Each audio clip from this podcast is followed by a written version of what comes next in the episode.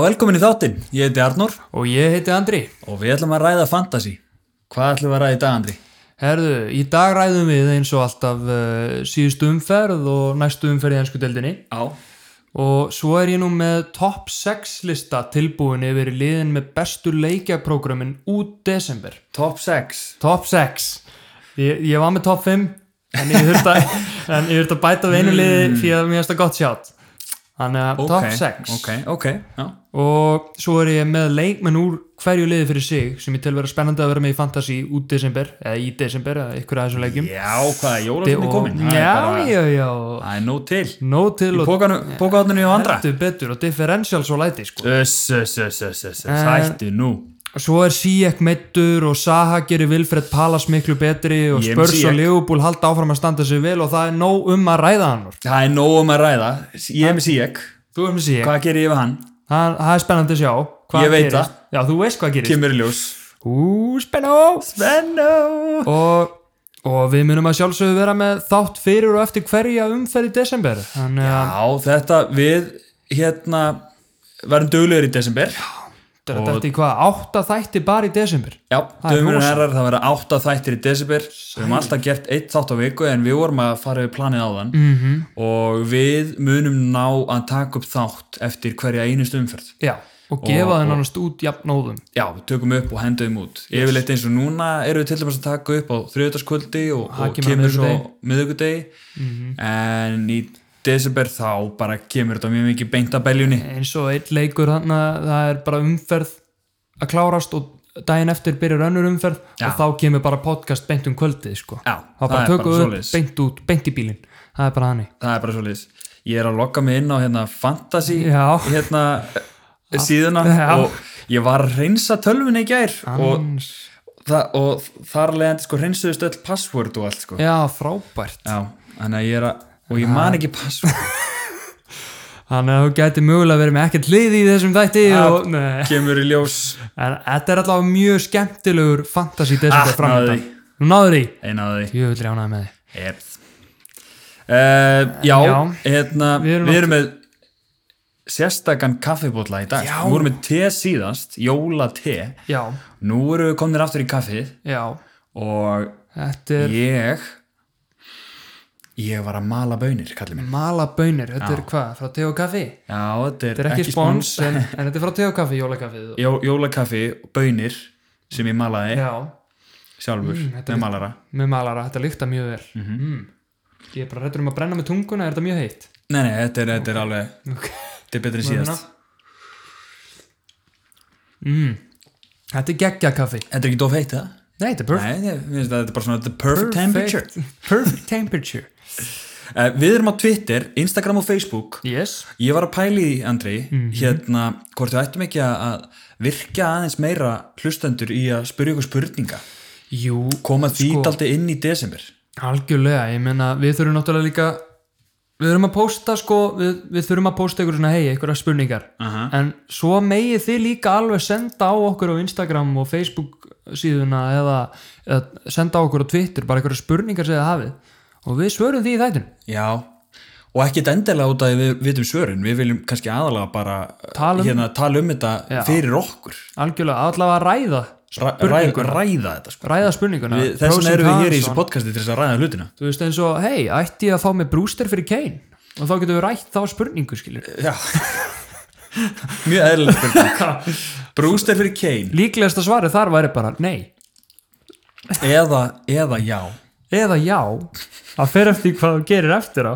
en eh, komum við betri spurningu um það Já Eh, Þannig að við ætlum að fara að spurja hlustundum meira og Já. vera með eitthvað svona spurningahotn hérna sérstaklega í þessari busy December törni það væri geggja og, og, hérna, og ég hlakka til að heyra þennan topplista hjá þér Andri já, Þannig að- Hérna, þetta með er jólaprogram. geggjaður topplisti sko er það? þú mynd missa þig sko, þú myndur að vilja gera valkart og Þetta- breyta þessu nú öllu ertu í þessari- daldi á peppa listan sko ég veit ekki hann er eiginlega bara mjög lélugur ok Þarna. Ekki setja Núna væntingar er ég- of hátt. nei, ok, núna er ég ekki Þarna- núna er setja ég væntingar of góður. hátt. um Það Nú er ég svona- mjög nú- góður. núna er það mjög mitt á milli já, svo springið þú eftir sko og bara er, nei, nú er, nú er ég aftur ok hann en við erum hérna á Apple Podcast og Spotify líka Ég meina, Já. Mm. skr- subscribe okkur þar, þá sjáum við nýjasta þáttinn já, bara um leið og kemur nýj þáttur þá, hérna, og það verður nóg að því í þá desember fáum við notification bara sko þá fá, já, já þið þurfum ekki einu sinni notification, Nei, þið getur bara en þú farið veist- í, í podcast appið Einmitt. og þá kemur, þá, ver, þá förum við alltaf efst, Einmitt. sko. Og ég pæl- ger þetta með podcast sem ég Já. subscribe, sko Einmitt, þú veist, ég sé alltaf podcastin sem ég subscribe ég fæ notification hvernig þau gefa út átt og það er mjög þægilegt ef þú ert kannski hérna í fantasy pælingum og það er umferð daginn eftir og allt í hennu sér bara ping, herðu, það var að dettin þáttu klukkan nýju að kveldi til Mhm. með okkur og þau geta bara, herðu, ég þarf ráðlingu frá Nóra, Stóra og Andra Klandra Já. Já, eða, eða kannski þurfa ekki ráðlgengu, þau vilja bara heyra hvað við erum að gera Já, Skilur, til að við erum gera bara andstætt við fantasy spilarar eins og hver annar og að reyna okkar besta hérna og gera andstættu okkur Já, til þess að vinna okkur Mhm, nákvæmlega, annarkvært að gera nákvæmlega svo við eða akkurat anstæðin mm -hmm. Eh, Skemmtilegt og hérna og þið getur reytað reyta okkur hérna á Apple Já, Mhm. podcast, podcast og Spotify en nóg um það, hver er staðan í deildinni Andri? Herðu. Ég hef heyrt að það séu kunnulega andlit Já, það er svolítið þannig, það er Jekos Borín alveg með með Motherfakers frambörðin Já, hann er að neyða mig að læra nafnið fullkomlega, Mhm. mm hann er ennþá í fyrsta sæti með 77 stig í þessu genvík og í öðru sæti er Megs Sanix Árni Magnússon með það lið í öðru sæti uh, með 79 stig í þessari umferð Ok, og FC Skeggi Gretar Már í þriða sæti með 65 stig í þessu genvíki og hann datt inn í top 3 núna í síðasta þetti síðasta umferð, já, já, já eftir skeik hann var allavega í top 3 líka síðast Já, og eh, Já, fór þetta var í efsta örlítið sæti niður þá. en ég er ennþá fyrir ofan þig í deldinni já Ég er sko, í- Mhm. ég átti góða umferð ég skil ekki alveg starfræðan á bakvið þetta þú Ég var með græna, grænar örvar og allt Já. og samt er ég komin úr 37. í 38. Já, þú varst með 72 stíð þessar umferð og ég var með 70 og ég fekk lítinn rauðan arrow, mjög lítinn Ok. en þú fekk green arrow, segði ekki Jú. stóran green arrow, Jú, ég fór upp um 200 sæti, já, 200.000 sæti 200.000 sæti. ég fó bara niður um ykkur 20.000 sæti eða eitthvað, Já. Þannig að þetta var mjög tæft En Þetta er mjög tæft og, og líka hátt scoring game week, varst ekki að tala um að, að hérna, 62 stig average stíðin sko, Mm, ég var í 70, 72 þannig að við erum yfir average nei, þú varst í 70, ég í 72.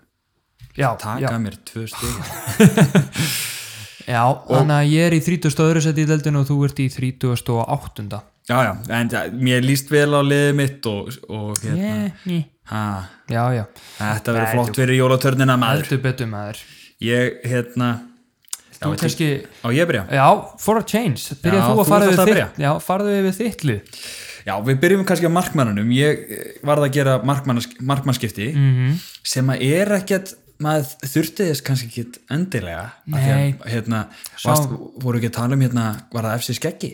í, það var þannig að ekki FC Skeggi, það var Meg Sanix Meg Sonics, með 79 stegi samt kíkta með, þess á liðið á honum Mhm. hann var með hérna hann var með Martínis í markinu og rétt Jet eins og við Steer báðir sem varamarkmaður, það var nákvæmlega saman ég var með sko. Já. hann held bara þe- þeim hann, hél, hann sko var ekki með spilandi markmann Mhm. og fekk samt hvað, 79 stig? já bara vel ka gert hjá Kaftin, Kaftin De Bruyne, Susek hana með Sala, Calvert og Kane Kaftin De Bruyne, ef ég fer yfir mínum umferð þá er það það sem ég klikkaði á ég er með De, De, hérna, De Bruyne en kaftinaði hann ekki ég kaftinaði Vardí já, sem að rétt náða að bjarga mér marki og þrejum bónustöfum hann er náttúrulega skellur hann fær ekki auka stig fyrir að brjóta hotfána nei, hann fekk einmitt mínustöf fyrir, fyrir það ég, Gult spjald. ég var bara, ég var svo ánæður ég Já. var, ég var að hlusta á leikin í bílnum ah. leiðinu heim úr bústanum hlusta á leikin já, hérna hérna konan var að læra fyrir próf hlust á fyrirlestra og þá er ég með í Airpods bara leikinn og bara að því að þú veist þetta var kaftindi minn þá vildi ég vita hvað er í gangi ok, næs og ég öskraði þegar að Vardí skoraði og öskraði síðan aftur þegar hann fekk guldspjald fyrir að brjóta hotfona anskoði, þannig að þú varst bara að heyra þetta svona í eiranu og sást ekkert visually hann brjóta nei, það hotfána var bara guldspjald hann brjót hotfána og allt í gangi ég, ég var að hugsa fyrst sko af hverju er hann að fara úr treyjunni og eitthvað svona Já, einmitt. en fyrir að brjóta hotfona Maður- það er svolítið Destruction töff. of property Ég stand held að hann hafi ekki verið að reyna þetta Nei. Ég held að hann hafi bara verið að reyna að sparki hann eins og margir Þeir fagna með þurfa náttúrulega að redda dempara á þessar á Já, hennar hálfána þetta gengur maður sér þá ekki. vanalega þegar farið í það þá svona sveiflast þeir svona Ég vil sjá Hann byltingu var- núna Ég vil sjá brjála, sko, Vardí og allir hans aðdáðundur munur saman saman og fáum almennilega almennilega suspension Já. á, á, á þessu hotfun nákvæmlega og, og ég meina Valdir átt þetta kannski bara skilið eða leikja smá völlin, þeir eru að skýta á sig og Já Tvö Nei, stig ég meina eftir ellefu leiki. Sheffield Ég meina, sérðu hve- hversu ömulegir Sheffield eru Þeir eru ekki einu svona efni á almennilegum hotfun nákvæmlega nákvæmlega, þeir eru skýtlélir Já, kannski munu hátfánuna breyta þessu já, hver veit sko ég, hann, að, ég vil sjá bæta hátfánuna og völlinu þeirra já En ég gerði markmannskipti að sjálfsögðu rétt eins og þú mm -hmm. og ég, og við fengum okkur mismöndi markmann já, ekki sama markmannin yes ég hendi mér í mínus fjóra já, ég líka og ég fekk mér Messlier hjá Leeds Meslier, í það. staðin fyrir Martínez það er gott transferaldi sko já, hann fekk þrjú mark á sig en fekk save points Já. var með, var með fullt af markvæslum og fekk þrjú stig það er mjög gott sko eins og Ég er við vorum sáttur við báðum með Martínez já, og þessi tveir eru þeir ekki, ég heldur séu fyrir ofan sem við fengum, ég ætla ekki að nefna minn strax en, mm. en þeir eru fyrir ofan uh, Martínez Mhm. því að það er eitthvað lítið um save points undanfarið hjá Martínez en mér Já. finnst þessi tveir vera að fá fullt af save points og clean sheets já. þannig að Leeds eru farnir að hafa verið betri í að halda clean seats Já. það fengur reyn- reyndar náttúrulega þrjú mörg á sig á móti Chelsea en save points Já, hann fær er það fullt af sem að skotum mest á er. sig. Já. það þeir eru galopnir hann í vörninni Mhm. hjá Leeds og ég var með Chilwell einmitt á móti Leeds og hann fekk nú bara tvö stig já, það er skellur það var skellur, Bamford náttúrulega skoraði eins og svo ofta áður já, já, já, flott Eh, það er markið á bara- Mm. honum hérna, sólaði markmannin og slútaði vel Yes. Sólan Mendy Já, Já, Kalli já, já, þetta What var a vel man. gert hjá Bamford Bamford er bara, er bara góð, mér langar í hann í staði fyrir Brewster einhvern veginn Já, mér líka uh, Ég er með Cresswell sem að töpu móti hérna Man United vestan. Mhm. Já, já, Það var já. bara eitt steg á hann en hann var nálægt til að skora á Já, aukarspinnu aukarspinnu, flott aukarspinnu maður Já, Þess þannig að vegna er maður með hann sko, hann getur lú- hann að fengið stóðsendingu eða, Clean eða sheet. markur aukarspinnu og annað Næ, clean og clean sheet sheet points og en eitt sem að fekk clean sheet points var Robertson hjá Liverpool Yes, Ánar að sjá það about time about time hjá kallinum Án djóks og svo varum við Sucek Já, það var, það var fallegt veitu, ert þú búin að vera með hann síðan Gaming 1 eða? uh Það Hann er bara rosalegt. minn maður Ég held að ég sé með svona uh, tvo leikmenn frá Gaming 1 eða einn Sala klálega Mhm. og Calvert Lúin mögulega mm Kal, já, ég, nei, Calvert Lúin er ekki búin að vera síðan nummer 1 hjá mér sko Þannig að ég er bara búin að vera með Sala frá Gaming 1 Já, Þú ert með Súsak, what a man ég er með Sucek og hérna, hann skoraði á móti Manchester United Mhm. -hmm. úr hotspinnu eða það var einhver sem eh, hann var, skallaði boltan og mm. sagt, ég held að hann hafi verið að reyna að skalla markið þetta endaði sem eiginlega flikk á Sucek á, á fjárstönginni já, já, já, og hérna, hann fekk átta stig hann fekk mér þessi eitt okay. bónustig líka já, það er svoleiðis já. Já, ég er mjög ánað með Já, Sucek Dek- Declan Rice með hann að skallan á Súsak Já, já, Declan Rice já. Já, já, já, já, já. Svo var ég að sjálfsögðu með Kevin De Bruyne og Sala sem fengur báðir 14 stygg hefði verið fínt ef maður hefði drullast til að kaftin annarkotera Já, sammála, sammála Svo er ég með Sietz og hann má fara Ég eitthvert losaði mig langt sem í betur burtu. fer við Það hann. var bara að setja Sietz í bíl og keira hann eitthvað langt í burtu Langt eins og í Gumi burtu. Ben sagði í gamla daga. Hann hefur ekki gert neitt fyrir mér Það var eitthvað beginners lökkana greinilega sko Já, Vist, hann, jú, jú, hann alveg lúkaði eitthvað svona hættulegur og Mm. svo er bara eitthvað þurði í honum og svo er hann mittu núna í þokkabót þannig að ég losaði mig við hann á háréttum tíma held ég Já, og nú er komið tíma á mig að fara að losa mig við hann, hann spurði hvernig ég fæ mér í staðinn Mhm. -hmm. en ég fekk mér Jóta ég er Diogo. komið Diogo Jóta og Diogo Diogo Jóta ok Jæja, uh, áfram gag og Barkley fór út Já. fyrir hann sem að er náttúrulega meittur hjá Astovilla og þeir spiluðu ekki þannig að ég gerði mínus fjóra fyrir að að koma Jóta og Messlir inn -hmm. fyrir s- eh, út þeir sem að, wow, þeir sem að fóru út voru leikmenn sem að spiluðu ekki Martínez og Barclay Aha, og Jóta náði ekki að skora en kemur inn á og, og ég, ég held já. að hérna, í í, hérna, WhatsApp grúpunni sem við erum í þá voru sumir að eh, langaði að transfera Jóta út já, já en Jóta er alltaf hættulegur þegar hann kemur inn á minnsta kosti, veita, þú veist, og er bara hræjótir algjörlega og ég meina þetta er bara það sem koma skal í desember samt sko Já. það er bara þótt að leikmaður byrja ekki eitt leik þá gæti hann byrja en næsta sko og en það ég er líður mikið- vel að vera með Sala og Jóta því að það er Já. alltaf annarkur er að fara að gera eitthvað ég meina núna, ég fekk mér hann í minni með 6,5 miljonum, hann er komin upp í 7 Já. þannig að hann er hann er rosa asset sko ég Mhm. hótt hann sé ekki að byrja alla leiki, þú veist hann getur alltaf komið inn á að skora -hmm. Mhm. og hann er komin nánast í þetta byrjunlega sæti, þetta var eitt leikur núna sem hann var á bekknum ég vona að Bara spila vera ekki að mútið hvíla. Midtjylland í kvöld hmm. kvöld, þriðutaskvöld já, já, já, já hérna, við vitum- vitum ekki hvað ge- hérna, gerist í Eða, þeimleik hvort byrju, eitthvað meðist nei, er hann ekki á morgun? nei, ég held, ég held að hann sé í kvöld Nú, hann er í kvöld, það er liðbúleikur í kvöld í alvöru Já, Heyrðu, ég tjekka á að því Googla þetta Já.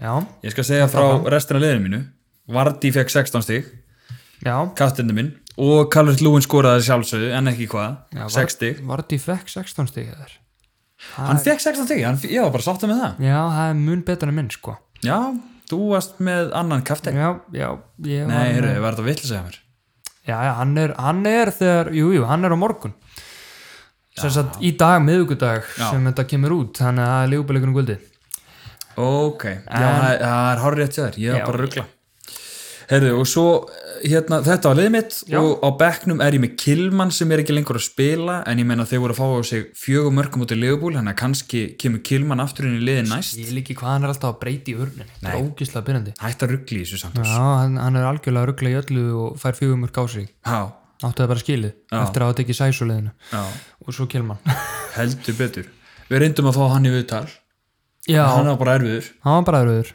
og allir ókvæslega busy og, já, já, og já, hérna það er núna um jólin náttúrulega og, mikið að gera í desember og já, hann er stjórnir mega í voða lítið að vera að koma í viðtöl til okkar já, já, það verður það er bara eins og það er og við reynum okkar besta að bara halda ykkur allavega inn í fantasy dæminu sko já, já, já, já. og stjórnir uh, þeir bara er í smá pásugerinn í desember það er bara svo liðis álagstími álagstími á köllunum og ég var með Brewster, hann er hengur á bekknum og Branthwaite og Fabri hann hengur líka á bekknu og Sheffield sko já, það er bara hann það er bara svo liðis komin á bekkin en ekki gera neitt já, já, ég hefði mátt að tala aðeins meira um hann í byrjun já, eða ekki alveg skellulegu sko já, herðu, þú mátt segja frá já þú þinni varst umferð. með 70 stíð sem sagt 72 stig Andri Já, að ég sá bara myndina ja. þú Já, varst þetta er með 70 mitt stig lið. Ég var með 70 stík ég er með Og- 50 fyrir hann þú ert alltaf að segja ég sem er 70 Ég var með ég er með 70 72 stig Ok, ég var með 70 ok, Og ég, já, fekk mér annan markmann Ég fekk mér,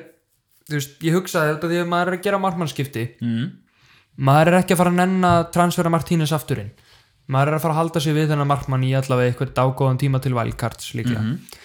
Og þannig ég ákvað að fá mér Fabianski Hann er alltaf með góð save points Og ég vissi að hann Fabi var Hanski Fabi Hanski og hann er alltaf með góð save points og hann átti náttúrulega United í síðasta leik en svo var ég að líta á prógramið hans svona framundan og hann á Leeds, Crystal Palace svo Chelsea, Brighton, Southampton, Everton West Brom, Burnley, Crystal Palace þannig að hann á gott leikjaprógram fyrir utan hann United leik og er að vonast eftir einhvern save points frá honum í þeim leikjum já, en það var gott þú bara ákvaðast að að, að mm. Mhm. fara í svona örlítið dýrri markmann örlítið dýrari og læra ownership ég var líka smá að pæla í Já, ownership það er enda góð pæling. það voru margir að fara í Meslier og McCarthy úr Martínez því voru svipið um verðflokki já, en hann er bara með 4,6% ownership og vildi fara aðra leið sko þannig að ég er með hann en hann fekk tvö stig í þessar umferð sem ég bjóst nú alveg við að United myndi skora á hann og annað en ég trú á hann í næstu umferðum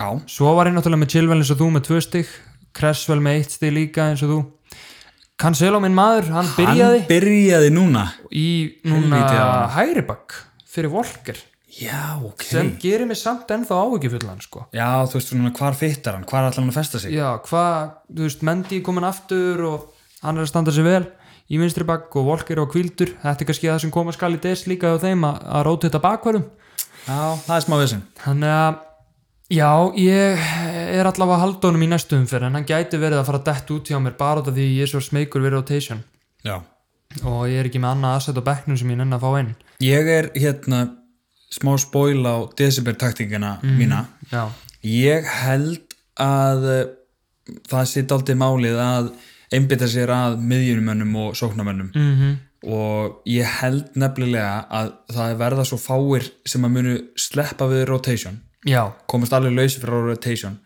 að að einbytta sér frekar að leikmennum sem geta fengið stór stig og, og bara svona aðeins geimt vörnina yfir desember já og Veist, líka, sko- ég, ég, ég, en líka ég líkur til dæmis ekkert á að losa mig við Kilman Nei, mitt, og, og síðan getur það líka verið sko, líkill að vera með góða breytt á bekknum Mhm. upp á, eins og í næstu umferð er ég með einn á bekknum sem ég er bara mjög sáttu með að geta komið inn ef ykkur verður benchaður sem ég kem inn á eftir já, en ef ég held áfram með liðið þá var ég með minn mann Vestergaard í Ah. vörninu, hann fekk nýju stig, skoraði mark og, og svo var ég með annan gæði sem ég transferaði inn fyrir Sijek James Ward-Prowse á festið James Ward-Prowse Yes, og hann var hittransfurinn mitt, ég tók sem sagt mínus fjóru líka Fabianski og Ward-Prowse stóðsending á Ward-Prowse, mark hjá Vestegard. Já, bara beintur hotspilnu á kollinu og vestigard eins og þú talaðir um bara síðasta þætti Ég talaði um síðust þetta, það er bara assist, Ward-Prowse, Vestegard goal. Já, Þetta er það sem ég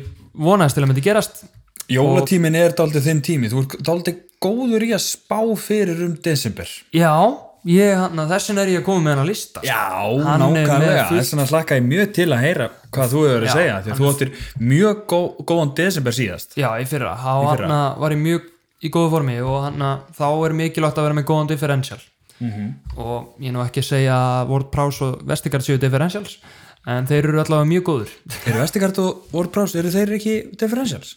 Já, þú veist, Vestigard er með 11,5% ownership og, Mm, ok, og Ward Prowse er með 13,5% og það fer hækkandi já okay. en ég, er að, ég er að nefna differential sko í, í topplistanum, það eru Það leikmenn eru sem eru í- fáið með á báða Það eru fáið með að báða Nei, hann e, Það sem ég nefni kannski í hann að differential stæminu eru leikmenn sem eru með undir 5% ownership sem geta talist smá örvísi og getur komið mann upp hátt upp um töflunar en haldandi áfram í liðið mitt þá var ég með Bruno sem byrjaði á bekknum og kom inn á og hann lagði upp mark Hann náða að berga sér Já, náða að berga sér, Jotta náttúrulega hann ennþá hjá mér og meitt stig, Sala með 14 stig, Kane 12 stig sem ég ætlaði að kaftina en svo breytti kaftinarböndun í Calvert Lúin og endaði með 12 stig fyrir kaftin Calvert Lúin. Sveikandi Ég hef, hefði getið kaftinað Sala eða Kane frekar Fengi 84 stig eða Vestigard jável, ég hef getið Mhm. kaftinað Vestigard.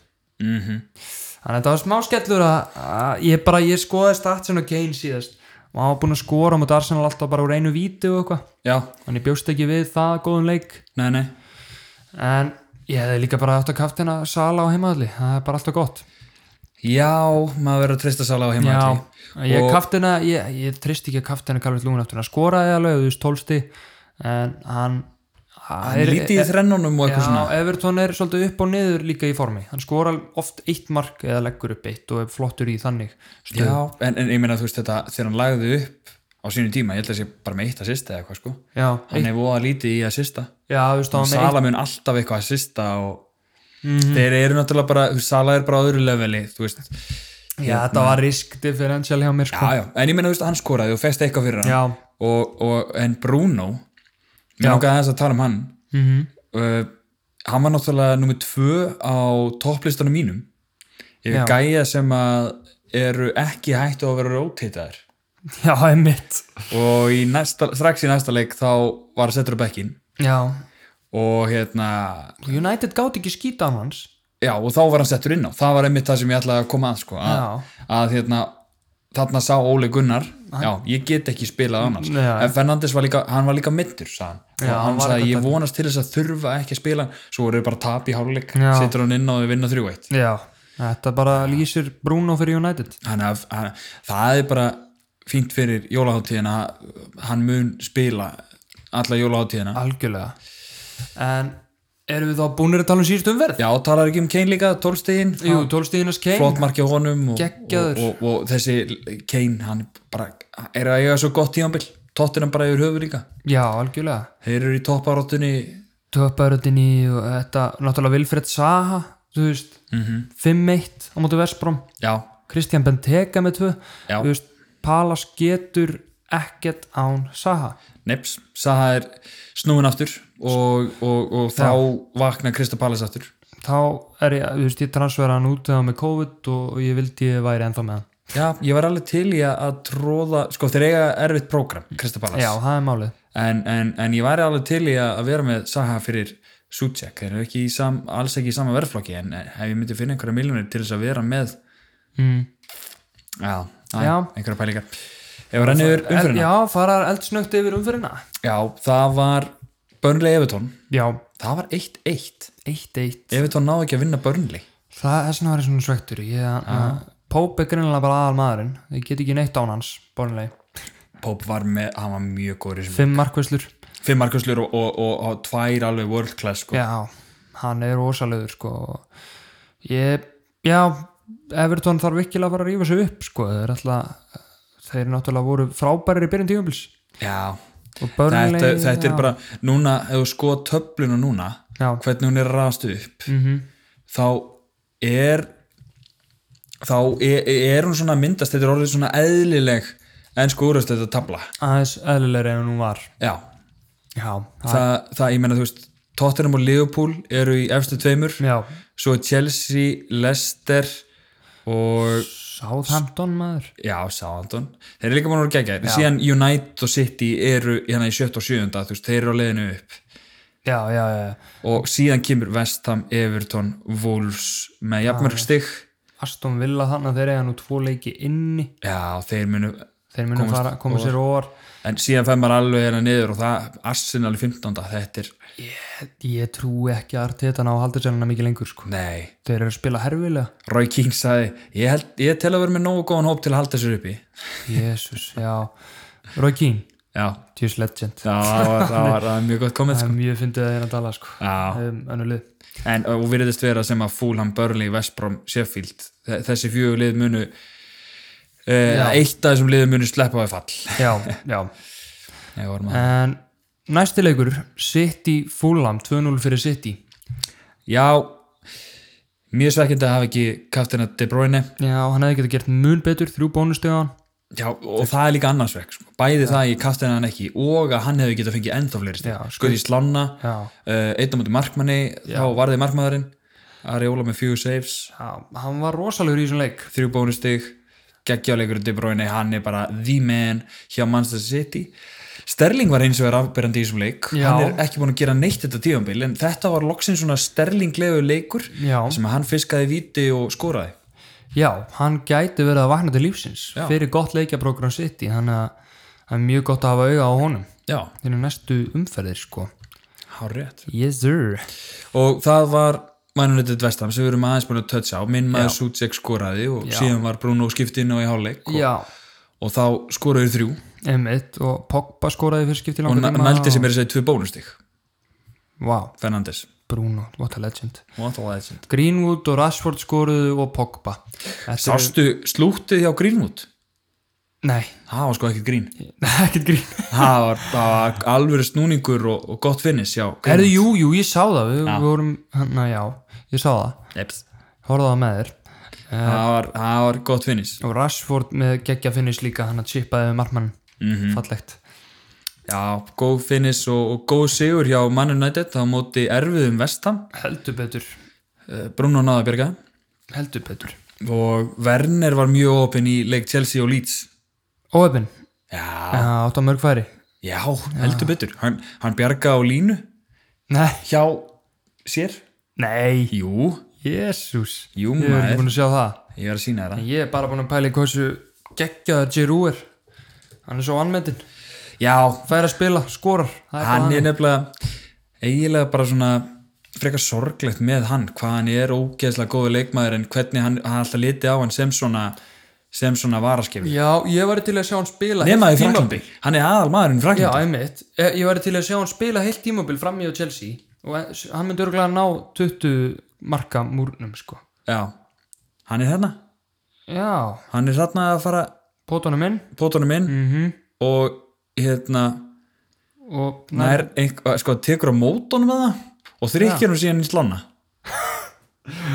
því líkur leikmaður hann hefði meiri sér að geta sér, djöðlar jánar að vera ekki fantasy eða eigandi verner í fantasy ha, ég var vel pyrraður hann náði sér allavega, nældi sér í eitt að sýst hann er allavega, það, það er einhver þrenna incoming í honum þegar þetta fer að að detta inn hjá honum sko. já, algjörlega hann er mjög sprækuleikmaður og er alltaf að leggja upp og skora og svona en já, hann er spennandi en það er bara svo pyrrandi að hann sé ekki í strækjarnum sko, hann er vinstra megin hana eða hægra megin já en hann er allt í öllu sko Hann er þú veist, allt í öllu, það- já.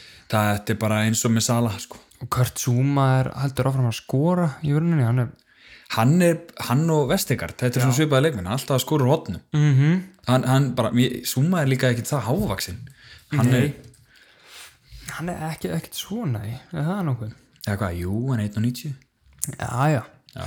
hann er heldur segur að, ekkert að, svo hávaksinn sko hann er heldur segur að, að hérna, í hótmanum Já, helviti góður koma sér í pláss og, og mér finnst það líka öll mörkin eins og þetta mark, þá, þá var hann bara eiginlega ódekkaður Já, já, það er einhver að dekka hann en hann er mjög flinkur og hann er með svona snerpu í sér sko, til að losa sig við mann já ég, Mér líst mjög vel á hann sem fantasy asset og ég sko ég var nánast að pæli að taka smá uh, að datt í hugan á mér í vikunni að taka hann að það datt í hugan já, datt í hugan á mér bara, að bara datt á mig já, að gera svipaði fyrra þú veist það sem Leopold eða, þú veist, maður var að taka doppul up Leopold -hmm. að taka doppul up Chelsea vör með Kurt Zuma og Chilwell já. og það er held ég að paya off fyrir mjög marga Það er með Silvel og Suma. já Það er reyndar alveg gott sjátt. mm mér finnst það mjög myndilegt Já. En ég ætla að reyna að fylgjast með og svitsa út attacking players Já. í desember. Það er svona það sem ég stefna að. já, En Vestbrom, Crystal Palace, Saha snýri aftur og Já. skoraði tvö og lagði upp eitt, þrjú bónustig og ekki nóg með það. Nei, býtu, það voru tveir menn sem fengu þrjú bónustig. já, hinn maðurinn hann var náttúrulega að fá þrjú bónustig þegar hann loksins skoraði Já. tvö mörg, Kristján Benteke já Kristján Benteke og sko Hjálmar kólaði þetta á Twitter Já, það var stórt á ja, Twitter þegar svei Hjálmar mér kom þá með ef þetta. að, ef að Kristján Benteke skorar ekki í dag Já. setur hann tvö hann hann að Mhm. völvan hefur talað, það er bara hannig Já, Hjálmar Örn Völva hann, hann spáði fyrir Völvan. þessu Eh.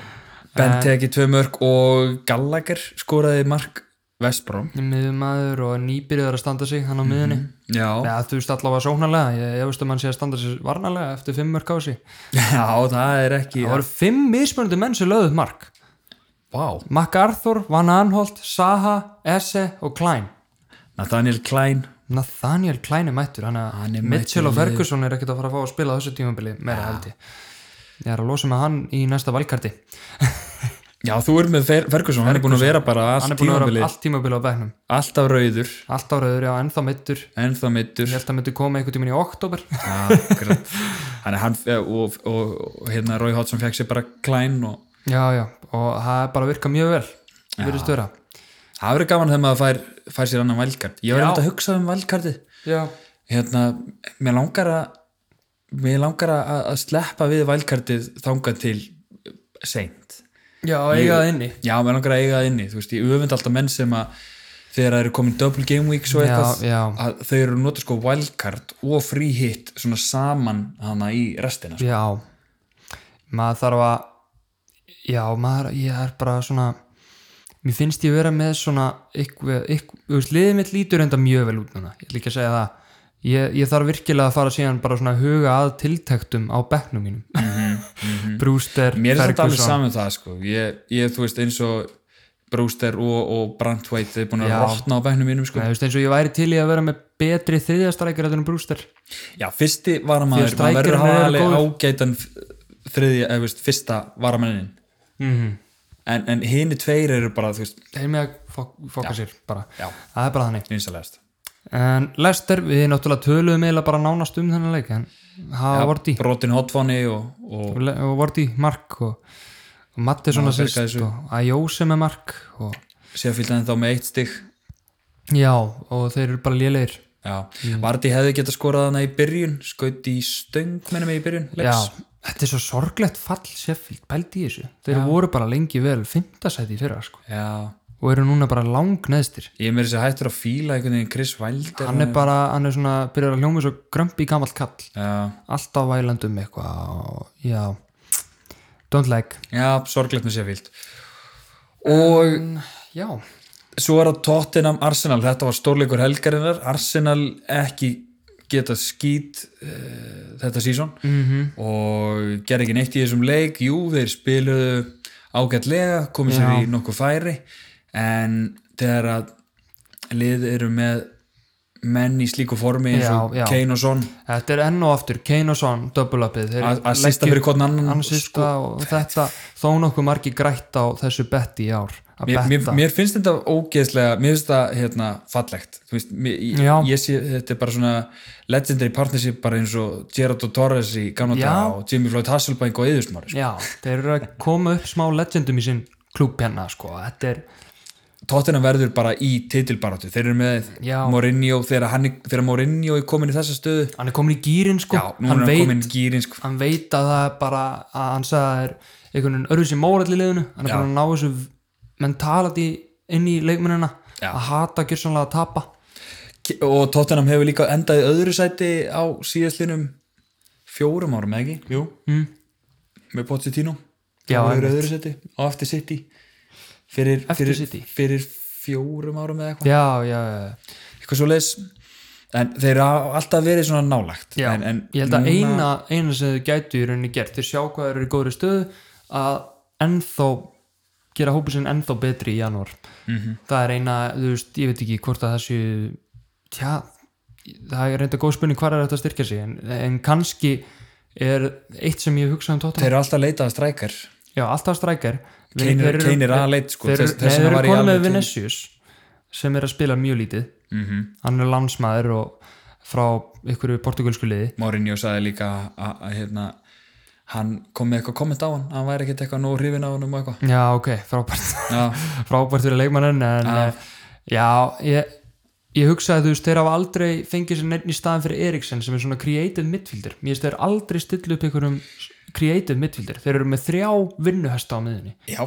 hvað gera þið þá? breyta Kane í creative mid já, það er akkurat það sem ég gera ég held að það sé bara málið og þannig að þeir væri ég, ég, þeir verði titilbárátið þangað til að Sonja Kane meðast sko. mm -hmm.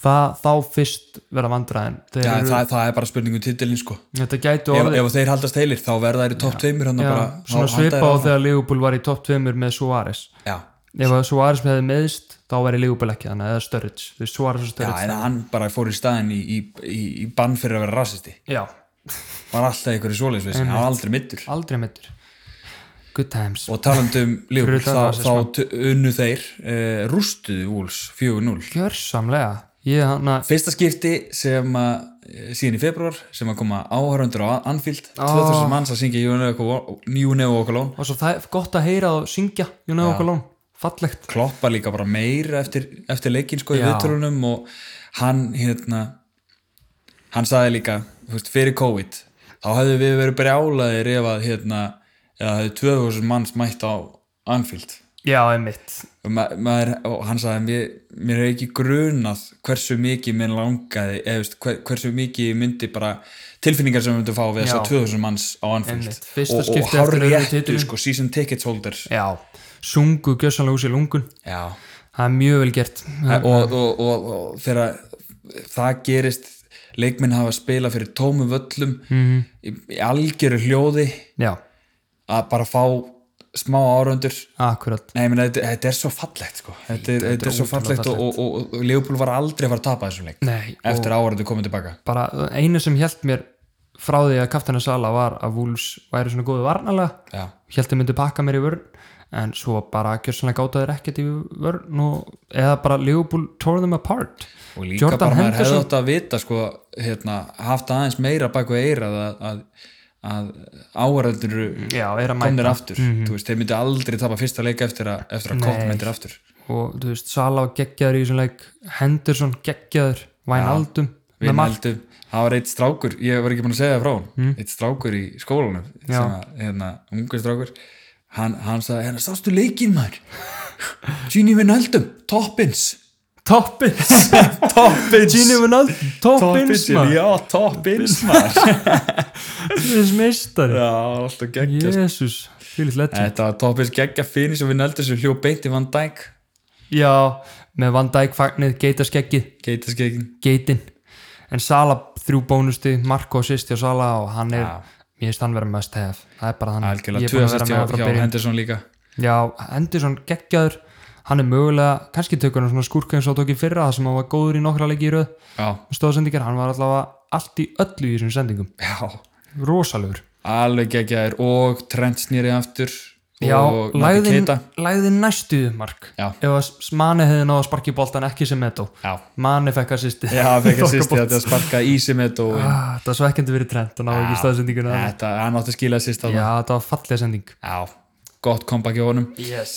Brighton Southampton, Já, þetta eru liðin á ströndinni já, liðin á ströndinni maður Það er heitt aðna á sumrin, Brighton og Southampton Vön hittanum og, og Þarna fara englendingar í frí já, og Danny Welbeck var með að sýst Já, aftur hann er, já Hann er Já, bara, sýst, hann náttúrulega fiskaði viti já, og hann gerði það líka í síðasta leik Já, og fyrir gross fyrir Gross var líka í Þannig að- síðasta leik. já, og Gross fær ykkur neginn tvö bónustig, alltaf fyrir að skóru viti Já, töluðum við um það, það er mjög perandi að hann sé að og taka gross sig- fekk meiri sig að gullt spjald Tæktu þetta því mér finnst þetta svo mikið bull Já, ég vil fá að vita hvernig þið reiknit út það var, þú veist Ah. Skora víti það eru margir sem um leiðu að fá gullt þá bara nánast engin bónustig sko. nei, nákvæmlega hvernig fekk hann bónustig Ég botna ekki í þessu en auðvitað, my man, James Ward-Prowse Já, Danny Ings returns Andri, Já. í Og þessu herru, leik ég glemdi mér að segja, ég er meiri sem er lista frá, sem er enda frá fantasy síðunni sjálfri með hann að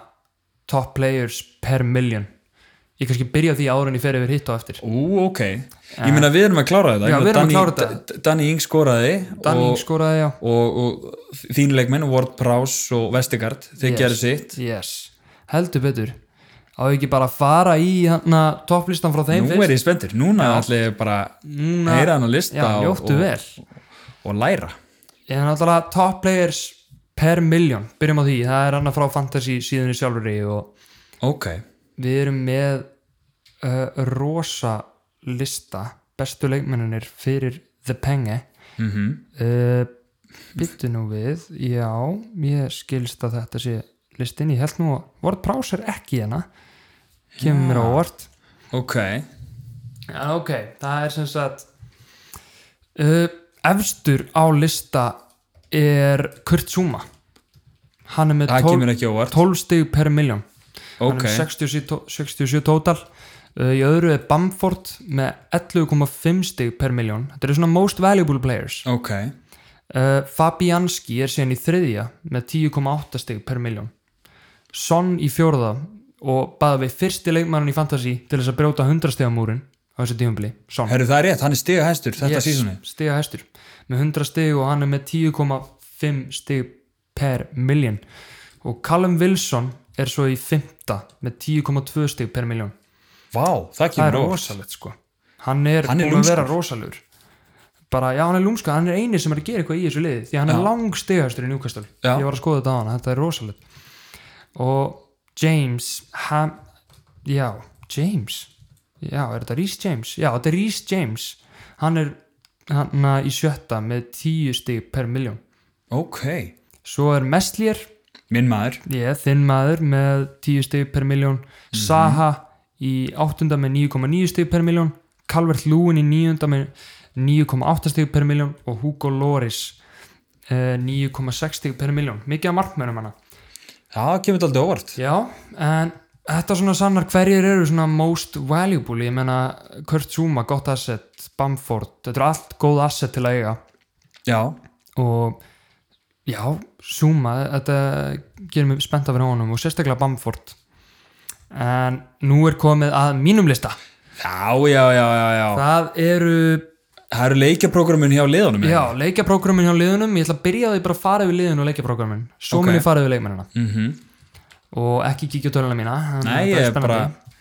Ég er bara í mínu, minni hérna en í sjötta sæti yfir leikjaprógram sem ég varði eiginlega bætinn sem sjötta sæti Svona þið leist á svona fyrstu þrjá leikina fyrstu þrjá, já, Já, það er Newcastle United Newcastle, já, einmitt Þeir eiga Vestbrom á heimaðalli í næstu umferð Leeds á útivalli Svo Fulham á heimaðalli ok, Það eru þessi þrýr Svo er enda City og Liverpool Í já, hana, t- eh, síðustu tveim hægt að leikjum í hafa desember Newcastle leikmenn í þrjá leiki og síðan Já. bara erfitt Og í þokkabút sko Já, ég fer yfir assetið og eftir uh, vil, Já, eða bara Wilson skilur við Mhm. Wilson gæti alveg eins gert eitthvað á móti City og Liverpool já, já, já, Ef þú ert með Wilson sem þriðastrækir eða, eða bara annarstrækir þá er hann að fara að gera eitthvað í þessum þrejum fyrstu og gæti gert eitthvað í næstu.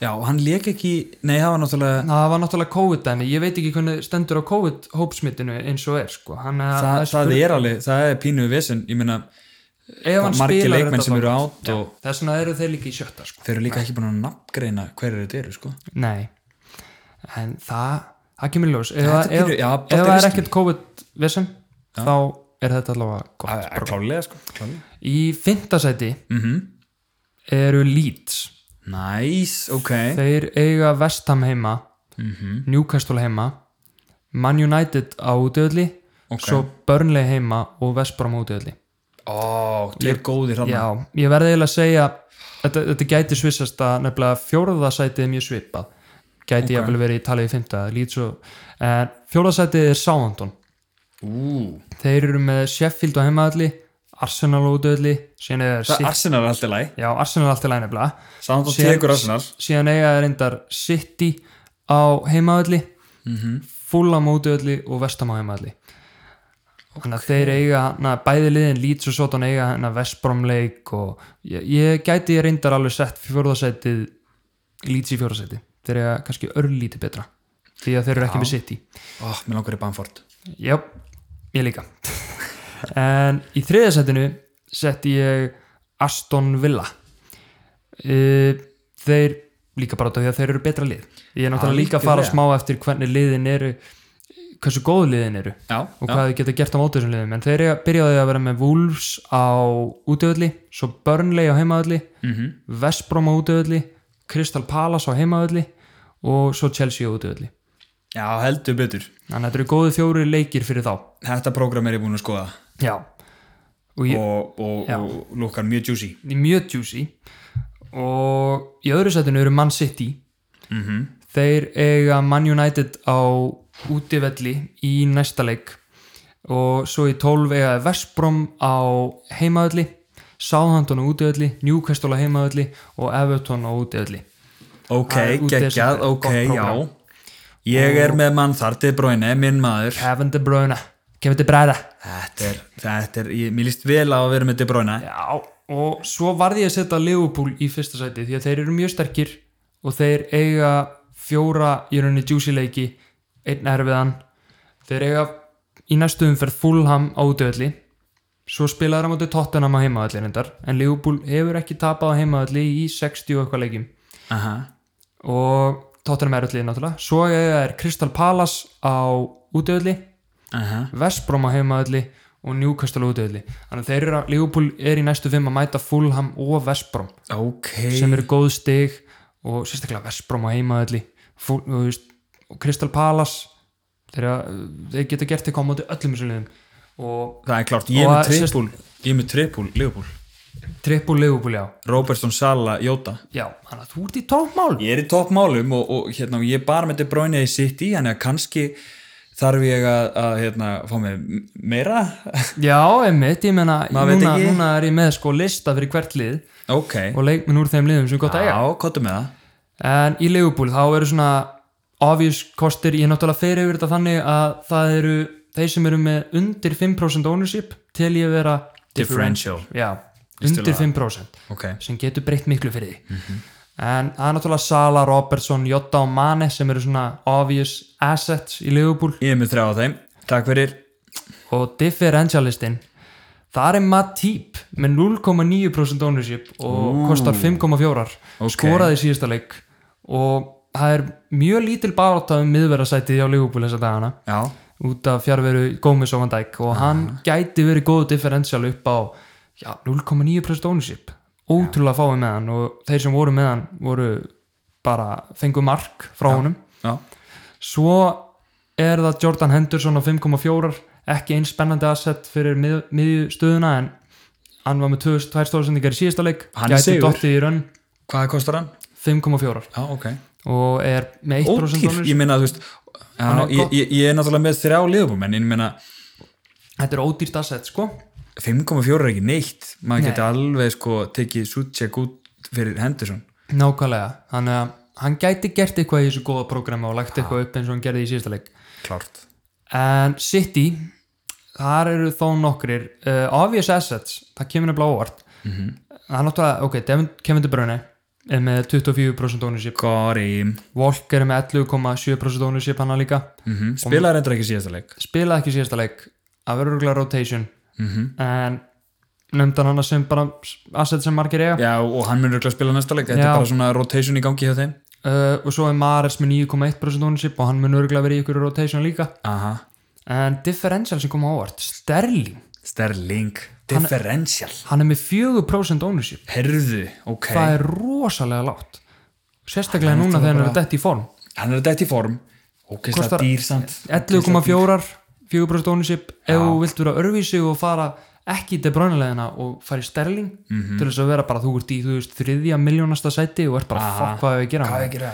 og færði sterling og hann allt í hennu gerir betur jafnvel vera með debránu og sterling þá ert þú bara gætir rokið upp sko Mm. Þetta Svo- er- ja, þetta er, já, hann er differential, já. svo er Jesus mm, tvær- 2,5% ownership strækjan eða Differential, maður, já. 9,4 miljonir dýr, ekki búin að standa sig eins vel að maður bjóst við, Já. en þeir eru góða leiki framöndan gæti náðu ykkur mörgum Mhm. svo til þess að fara í clean sheet sem þeir að, eða stóðsendingar og annað þá er náttúrulega Cancelo og annað sem er í rotation samt Mhm. 3,8% ownership, 5,5 miljonir já.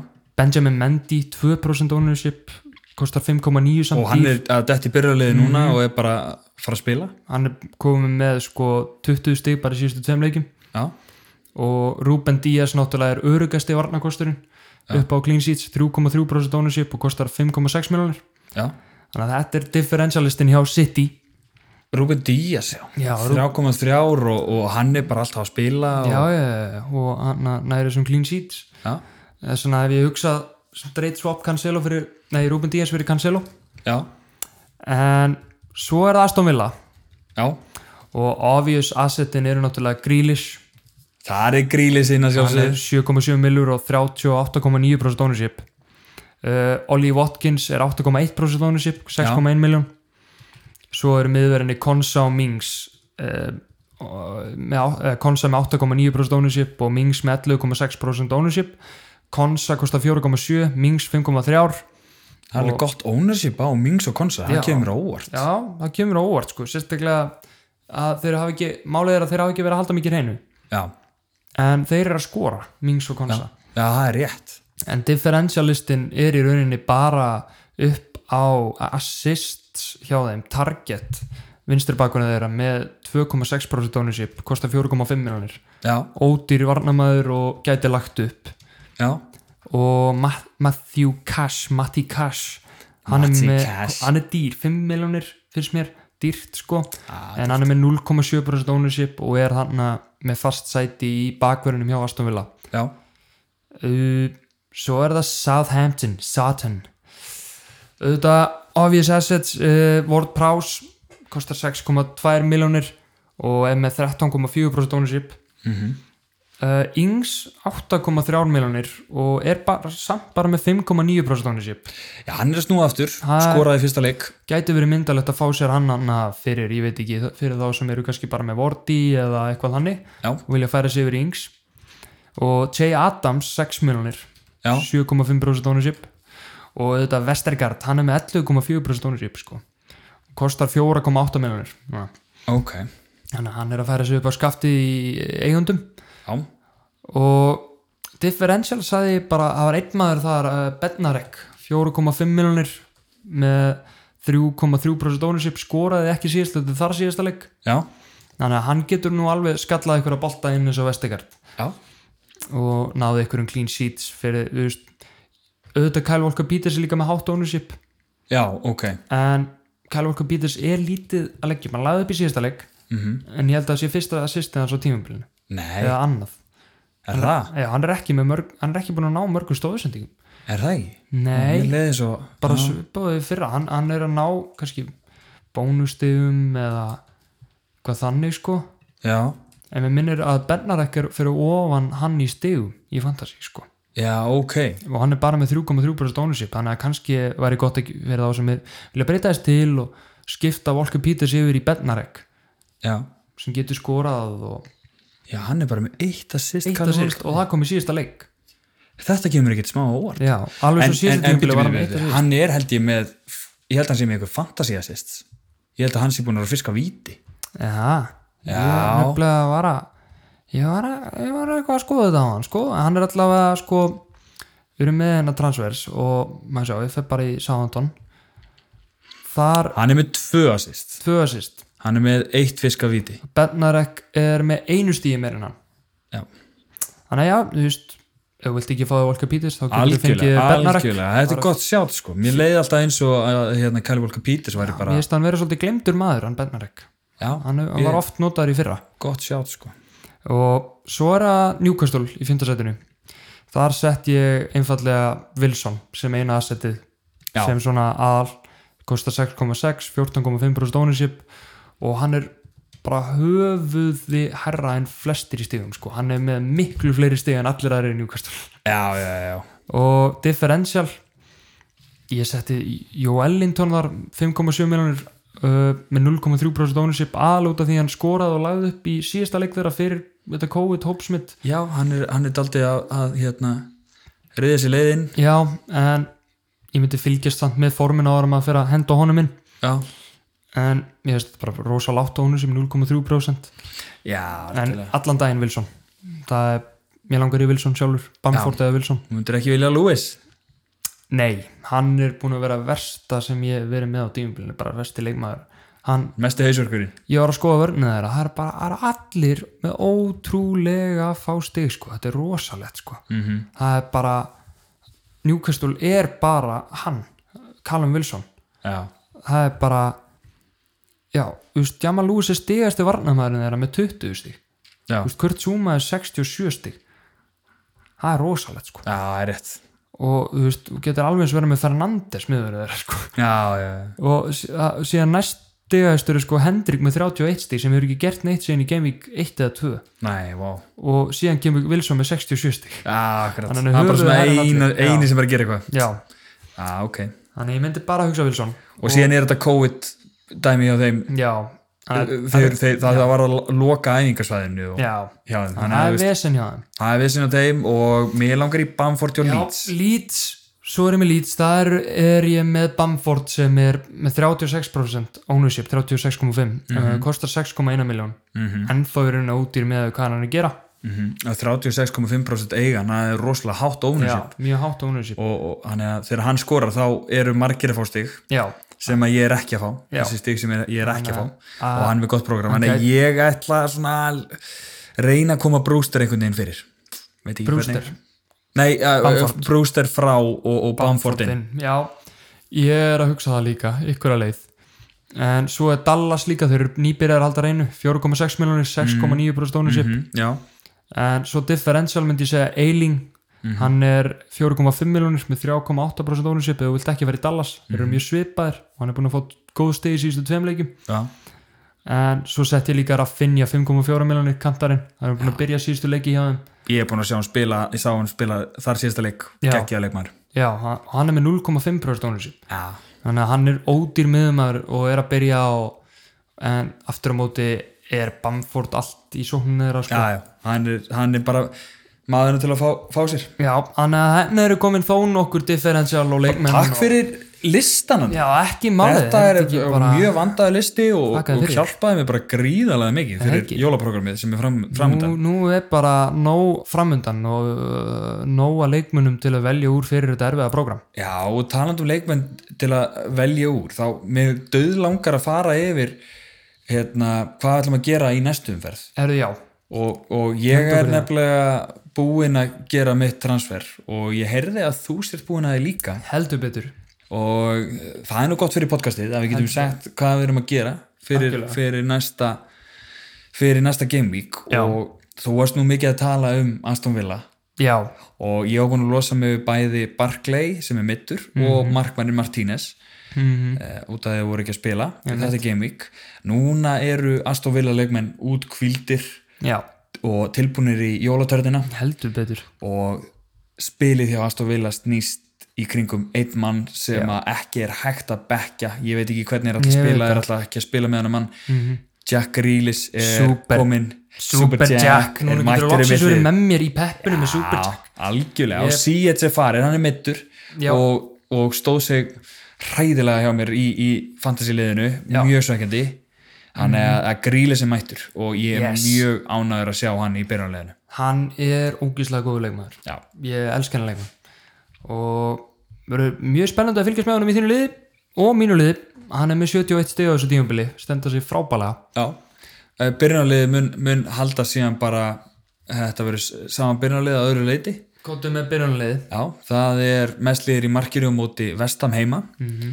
og Chilwell á Everton Cresswell á Leeds, Robertson á Fulham ég meina þessi Þetta er rosa Liverpool á Fulham sko, það er já, við erum Það er ekki mjög komin í gott. fyrirlega umræður en, Nei. en, en, en, en það er það er verið störa svona leikurinn eh, Suchek á móti Leeds Mhm. De Bruyne á móti Manchester, það er náttúrulega stórleikur næstu, næstu umferðar Mhm. Salah á móti Fulham, Jóta á móti Fulham Grílis á móti Wolves sem að voru, Wolves voru að fá á sig fjögur mörg á Mhm. móti mm Vardi heima á móti Brighton áhófur leikur, en hann er ekki að skora mikið á heima allir, þannig að Nei, það verður áhört að sjá hvort það fór áhört að víti sjá já, og svo er Calvert Lúin heima á móti Chelsea Alright já, þetta er, þetta er mjög áhugavert og Kilman er fyrsti maður að back ég veit ekki hvort að hann sé að fara að spila á móti Aston Villa Já, þetta er mitt lið og við tölum um fyrirliðan Á eftir, uh, eftir. já Mér líst vel á það Ég, hana, ég er með Fabianski á móti Leeds mm Mhm. -hmm.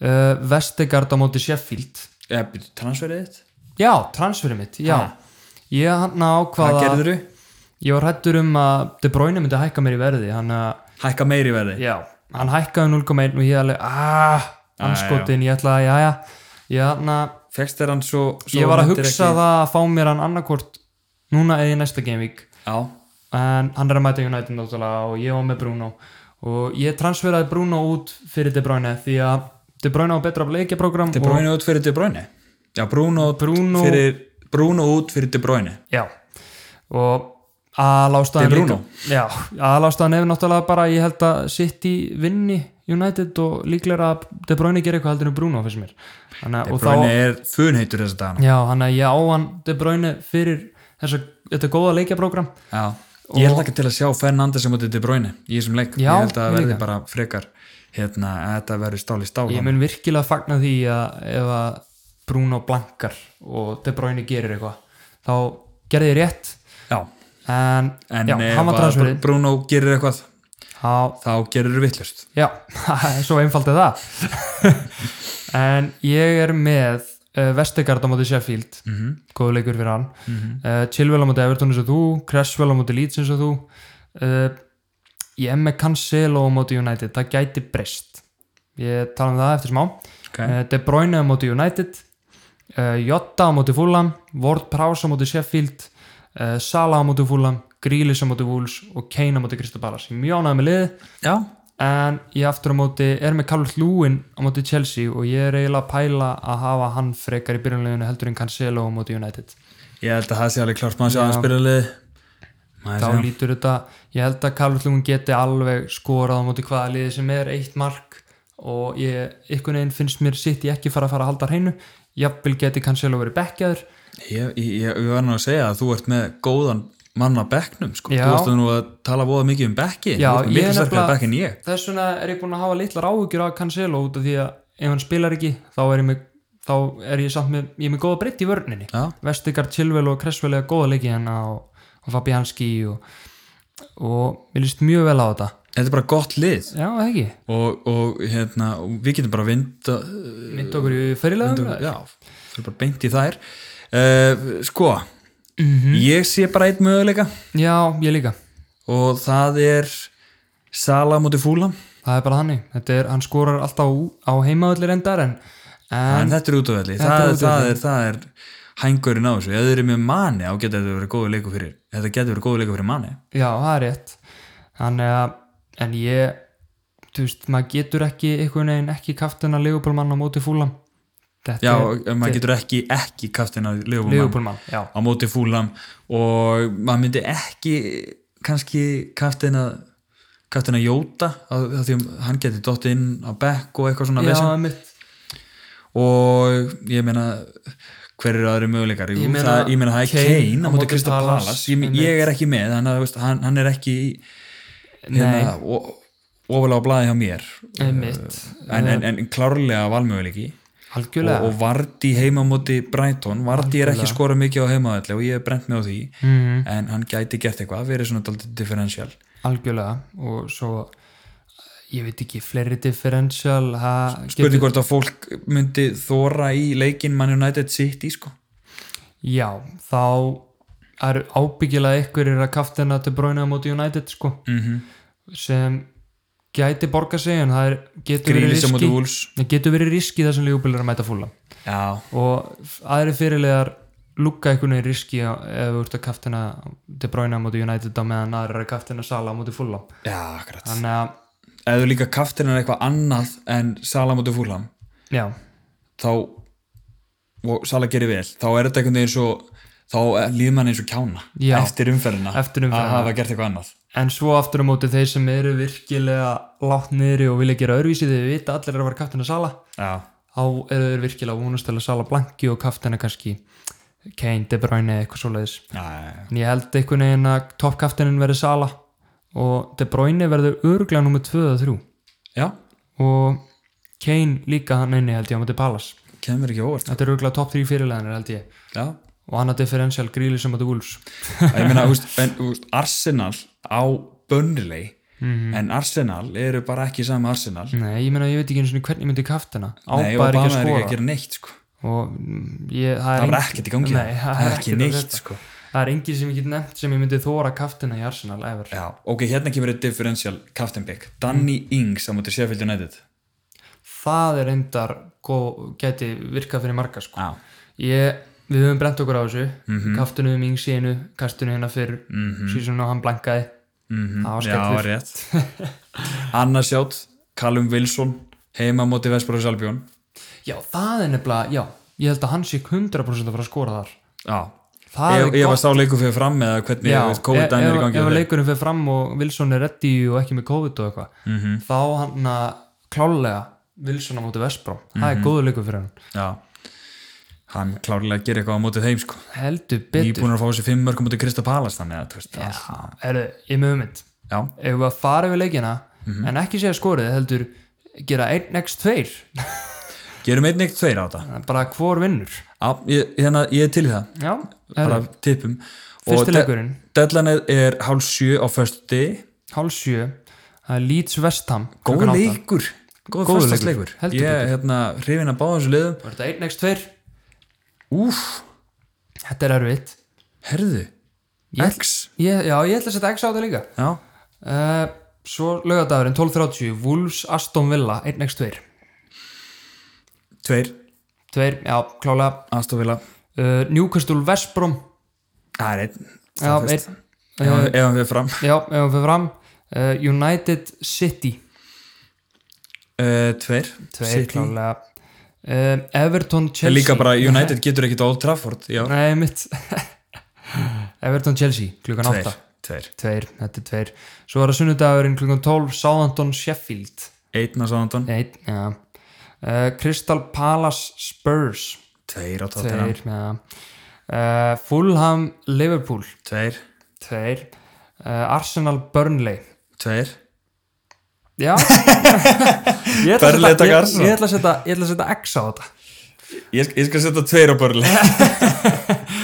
Og svo er það Leicester Arsenal er bara það líðilega sko. Já, skelvulegt sko. Já, sorry, Arsenal-stinsmenn Þetta er bara, ég meira, þú veist þið- Þeir eru þið- alveg Nei, bara- nei, ég meira, þú veist Aðdáðandur líður, líður illa líka sko. Já, einmitt Þetta er bara ekki Mér líður bara illa fyrir þá Já, Og Leicester Brighton síðasta leikurinn á sunnudeginum um, Ehm, einn Alistair Ég var ekki geðið til í að vita hver stuðullin væri á þessari spá ég ætla örugglega að prófa það eftir þáttun að setja það þetta er inn í gaman að gera bet- seðil gera seðil út frá nákvæmlega þessari spá Já. og sjá hvernig sjá hvað maður fæ mikið tilbaka ef maður betta 10 eurum já, nákvæmlega, en til í það já, er þetta ekki bara fínasti þáttur Þátturinn Góður er, er bara e, Þátturinn er búinn einn af mörgum í des Já, okkur laka til já, bara fylgist vel með okkur í desember Já, það, þeir munu hrúast inn þættirnir heldur betur, Við verðum á vaktinni í desember heldur betur Fantasívaktinni gleðilega fantasi hátíð Já, heldur betur Gott hjá okkur bilið, flottu listi hjá þér Andri